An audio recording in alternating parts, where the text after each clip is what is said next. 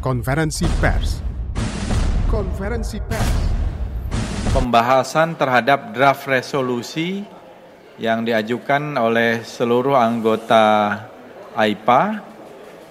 Uh, tadi saya memimpin bidang politik, ada enam draft resolusi dari jam 8 pagi hingga jam 11 lewat tadi.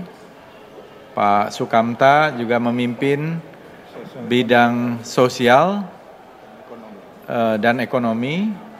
Kemudian secara simultan juga ada pembahasan di bidang ekonomi dan juga di bidang organisasi. Uh, selain itu di Women Parliamentarians kemarin dan hari ini juga di Young Parliamentarians. Untuk bidang politik yang bisa saya sampaikan adalah uh, kita membahas memang isu-isu yang cukup sensitif, terutama dua draft resolusi Indonesia dari empat resolusi itu. Yang pertama untuk menjaga perdamaian dan keamanan di kawasan Asia Tenggara, terutama terkait dengan uh, keamanan di laut ya, Laut Cina Selatan dan lain-lain. Setelah melalui sebuah diskusi dan masukan-masukan dari berbagai negara, akhirnya draft resolusi ini bisa disepakati untuk dijadikan resolusi yang akan dibawa di dalam sidang pleno besok. Dan yang kedua adalah draft resolusi tentang peran parlemen dalam berkontribusi untuk uh, perdamaian yang panjang gitu, long lasting peace in Myanmar.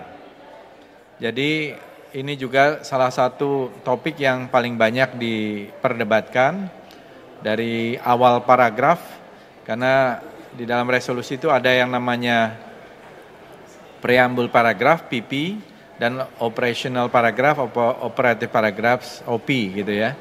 Jadi uh, dari pertama hingga akhir cukup banyak yang diperdebatkan dan masukan-masukannya juga cukup aktif. Pesertanya juga sangat dinamis, partisipatif dengan masukan dari banyak negara. Tetapi akhirnya uh, kita juga alhamdulillah akhirnya bisa mencapai konsensus. Dan ada satu uh, milestone juga yang penting yaitu ada kesepakatan bahwa AIPA akan mengeksplorasi kemungkinan terbentuknya semacam ad hoc committee atau komite ad hoc atau working group atau semacam uh, komite uh, badan yang bisa menjadi bagian dari upaya untuk uh, membantu proses perdamaian di Myanmar. Jadi ini memang menjadi perdebatan yang cukup panjang tadi, karena di pihak pemerintah ada yang namanya special envoy. Tadi kita sampaikan bahwa sebagai parlemen kita harus exercise parliamentary diplomacy atau diplomasi parlemen, sehingga harus ada keterlibatan dari parlemen dalam penyelesaian damai di Myanmar. Sebagaimana kita ketahui, ada five point consensus yang ditandatangani pada April tahun 2021 dan sampai sekarang five point consensus ini belum direalisasikan, belum diimplementasikan terutama oleh pemerintah junta militer dari Myanmar gitu.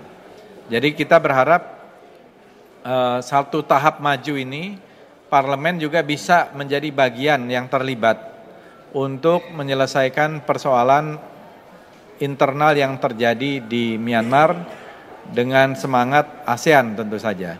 Jadi kita berharap dan kita juga menyampaikan agar semua pihak yang terlibat, semua pihak yang uh, involved gitu ya, itu harus melaksanakan five point consensus dengan penuh komitmen dan juga segera untuk memberikan jalan karena di dalam kenyataannya ada kesulitan di dalam persoalan humanitarian assistance atau bantuan kemanusiaan uh, oleh semua pihak. Jadi kita berharap pihak-pihak semua pihak itu bisa uh, tetap berkomitmen dan disebut di situ terutama uh, military armed force gitu ya, uh, pihak militer terutama untuk memberikan komitmennya di dalam pelaksanaan five point consensus dan juga uh, bagaimana bisa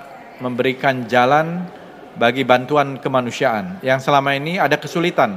Jadi bantuan-bantuan itu ada tapi sulit untuk sampai kepada pihak-pihak yang membutuhkannya di Myanmar karena ada blokade-blokade di berbagai tempat, ada halangan-halangan di berbagai tempat. Kira-kira itulah yang dibicarakan poin politik.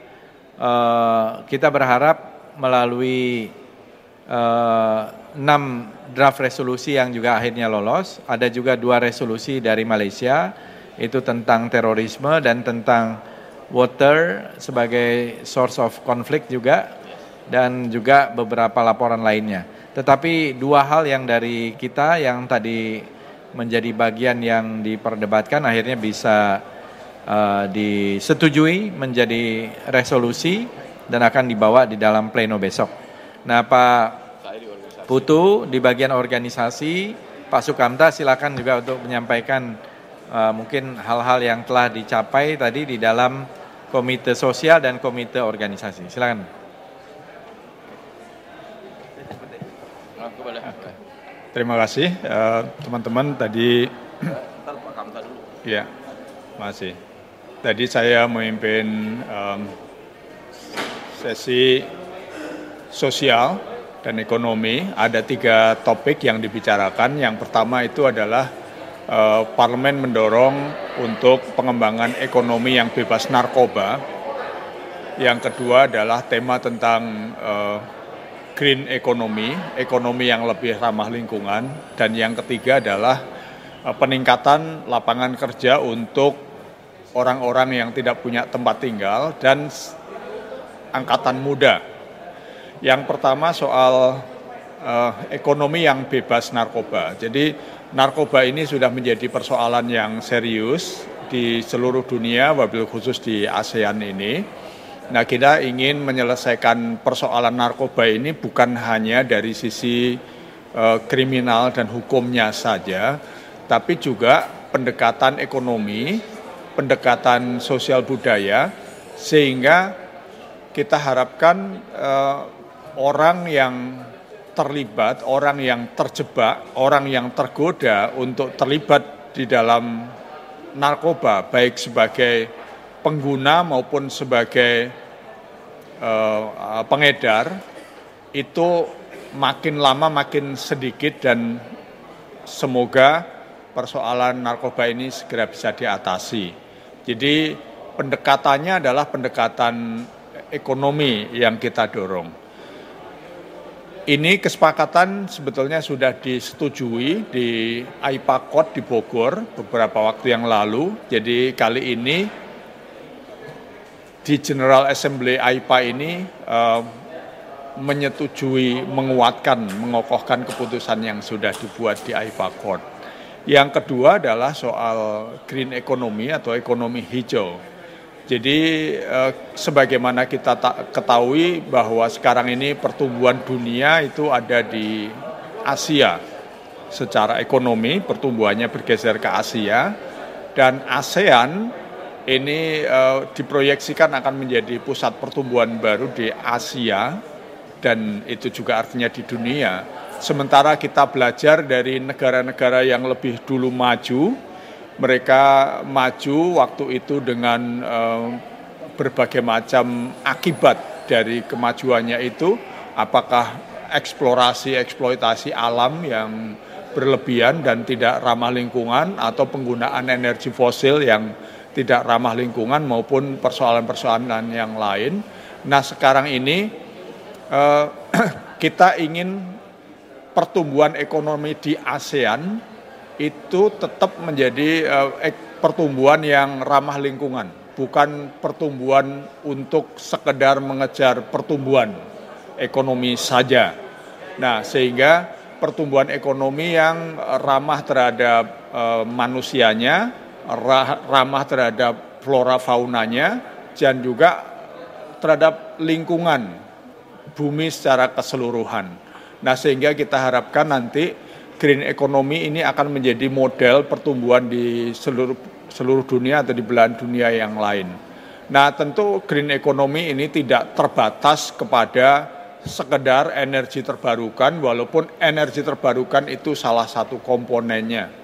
Nah, ini tadi di uh, seksi kami ini uh, kita mendorong dari sisi parlemen agar setiap negara anggota ASEAN itu nanti uh, mendorong adanya uh, ada undang-undangnya, ada platformnya, dan juga ada indikator-indikator pengukuran green economy itu seperti apa. Nah, termasuk di dalamnya adalah green jobs ya.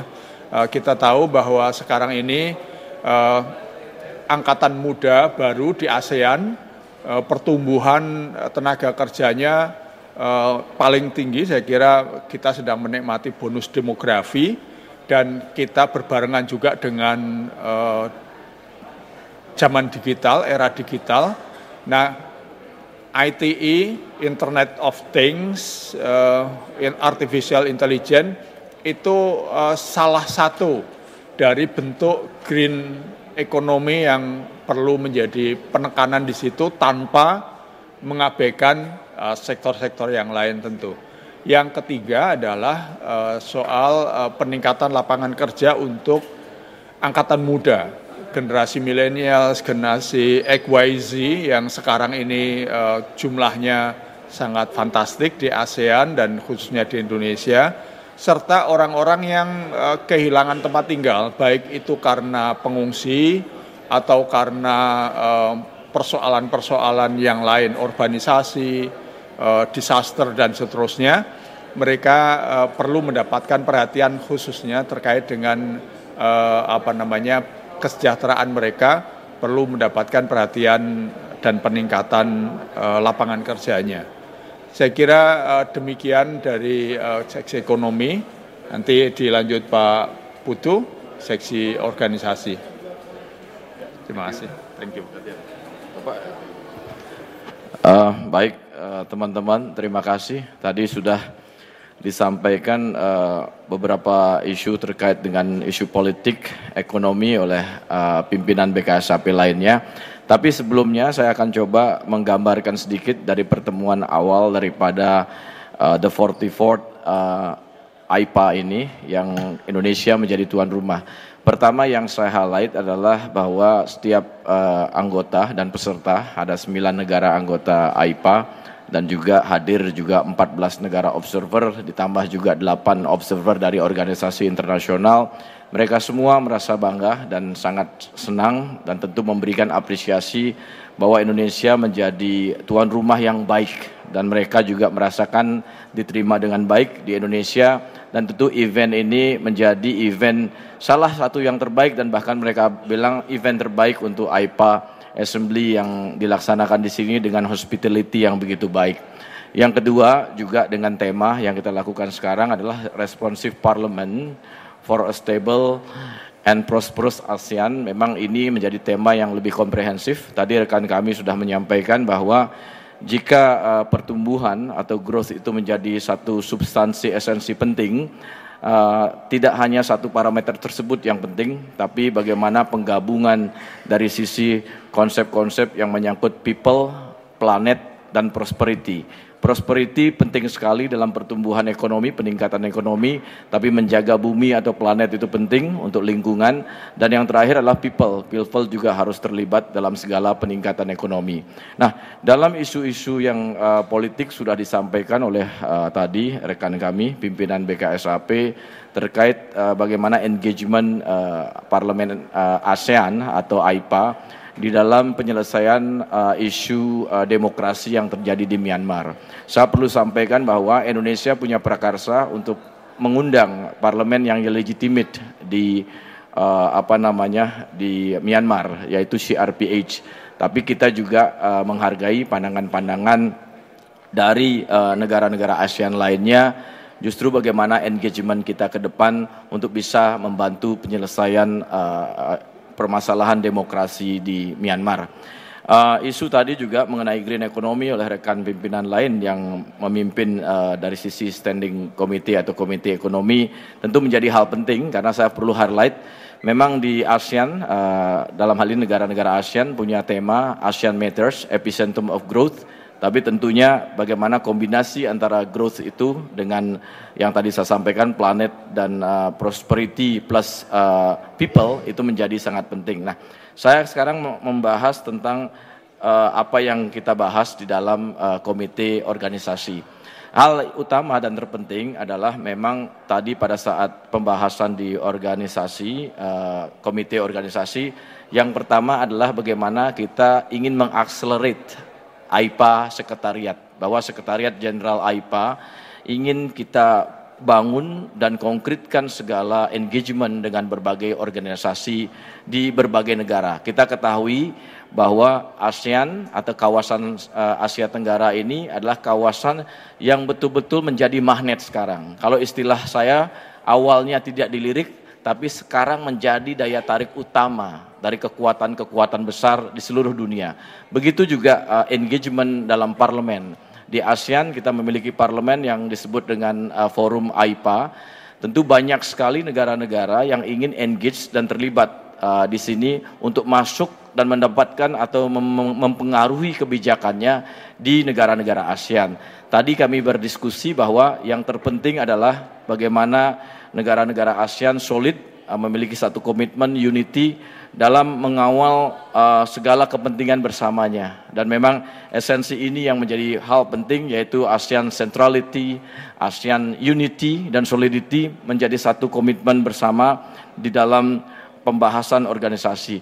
Nah, tadi juga dibahas mengenai uh, peningkatan kontribusi dari negara-negara anggota yang memang karena engagement kita kita ingin lebih maksimal dengan uh, negara-negara uh, lain atau parlemen negara lain sehingga ada peningkatan kontribusi dari setiap negara yang awalnya uh, satu negara berkontribusi uh, 30 ribu US dollar sekarang kontribusinya ditingkatkan. Tadi menjadi sebuah resolusi dan tadi sudah di approve resolusinya menjadi 40 ribu US dollar dan standing apa special fund uh, 5 ribu tetap juga di, uh, diberikan oleh anggota daripada uh, uh, AIPA ini.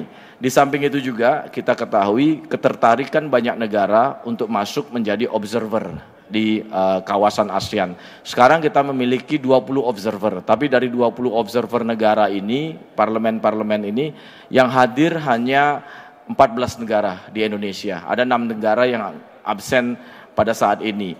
Dan uh, kami di uh, organisasi, di apa namanya komite organisasi, saya memimpin sidangnya tadi sebagai chair itu kami hari ini uh, mengapprove atau menyetujui penambahan tiga observer lagi, yaitu tiga parlemen negara. Yang pertama itu adalah negara Kuba, yang kedua adalah negara Turki, Turki, sekarang namanya Turki.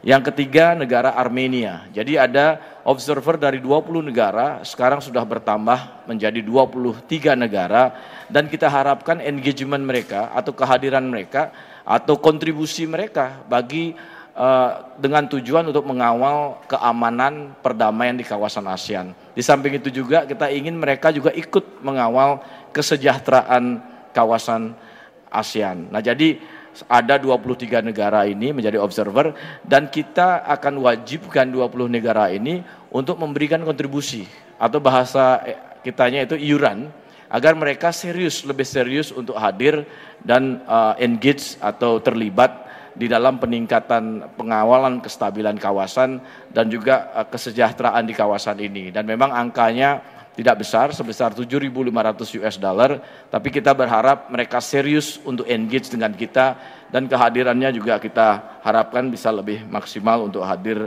uh, bersama ASEAN untuk menjadikan ASEAN kekuatan yang uh, lebih komprehensif uh, sejajar dengan kekuatan-kekuatan atau kawasan lain di dunia. Nah, hal lain juga kita juga ada sebuah resolusi yang mem memberikan posisi yang parlemen itu yang awalnya hanya sebuah forum biasa, tapi kita sudah menjadikan sebagai komite khusus uh, parlemen muda. Jadi memang dalam uh, draft resolusi kita sudah uh, apa namanya berhasil mengadop uh, mengapprove uh, draft resolusi itu bahwa yang parliamentarian atau parlemen muda sudah menjadi komite uh, apa namanya yang yang khusus di AIPA ini dan memang di sana dijelaskan yang dimaksud dengan parlemen muda adalah pertama minimal delegasinya itu satu orang harus uh, usianya di bawah 45 tahun. Dan sisanya delegasi itu jika ada tiga delegasi dua delegasi boleh melampaui umur 45 tahun itu. Tapi tentunya jika parlemen negara tersebut memiliki parlemen muda, tentu mereka bisa lebih engage, lebih maksimal di dalam pertemuan forum-forum uh, pemuda tersebut. Nah, banyak hal lagi dan yang terpenting juga ada satu draft resolusi yang kita putuskan tadi yaitu apresiasi daripada seluruh peserta baik AIPA maupun observer dan yang terpenting adalah AIPA untuk memberikan apresiasi kepada presiden atau chair daripada uh, the 44th uh, apa namanya GA General Assembly sidang umum AIPA yang ke-44 ini dan uh, kita sudah putuskan tadi dan menjadi sebuah resolusi apresiasi kepada uh, pimpinan DPR kita, ketua DPR kita Ibu Puan Maharani atas kepemimpinannya sebagai chair dan presiden daripada the 44th AIPA dan tentu ini suatu hal yang membanggakan karena apa? Karena memang uh, Parlemen Indonesia uh, juga dalam isu kesetaraan gender memang menghadirkan uh, pimpinan parlemen atau ketua DPR perempuan dan memang ini justru menjadi satu kekuatan kita karena kita sudah memiliki uh, apa ketua perempuan dan parlemen perempuan yang memang menjadi isu yang utama dalam pembahasan baik di tingkat ASEAN maupun di tingkat global. Nah, ada dua hal lainnya yang menjadi penting juga dalam uh, komite organisasi yaitu adanya perubahan tentang lagu anthem, lagu anthem daripada AIPA. Nah, memang tadi disetujui perubahan lagu ini liriknya karena memang liriknya yang saat ini sudah cukup lama dibuat akan diperbaharui dan nantinya sudah membentuk tim satu tim khusus uh, ad hoc yang nantinya akan mengawal agar lagu ini lebih uh, baik lagi merepresentasikan kawasan ASEAN ini khususnya parlemen-parlemen di kawasan ASEAN dan harapannya juga lebih energik dan lebih menunjukkan bagaimana vibrantnya kawasan ASEAN ini.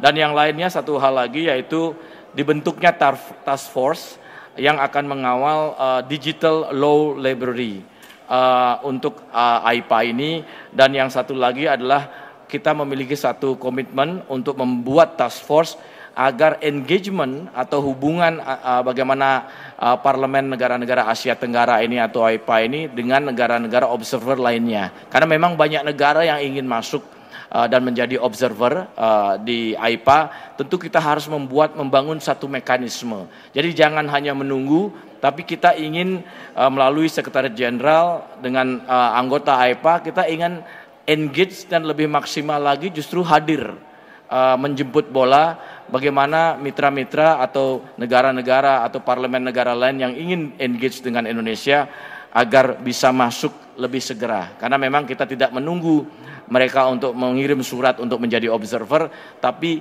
justru kita AIPA yang reach out untuk mencari uh, atau menghadirkan negara-negara yang memang dapat memberikan kontribusi keamanan, kontribusi perdamaian, kontribusi kesejahteraan, dan kontribusi peningkatan segala bidang di kawasan ASEAN.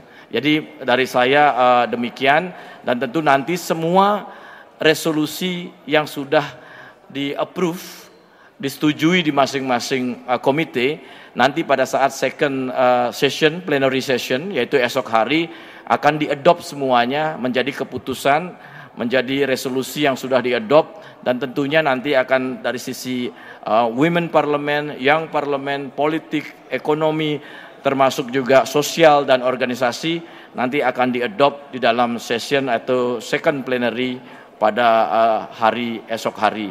Dan tentu yang terpenting juga saya perlu sampaikan satu poin lagi, yaitu terakhir esok hari juga akan ada solidarity dinner. Dan itu biasanya digunakan momen untuk meningkatkan kekerabatan dan kekeluargaan dari masing-masing uh, parlemen ASEAN, khususnya AIPA dan ASEAN juga sama, pemerintah juga melakukan hal yang sama.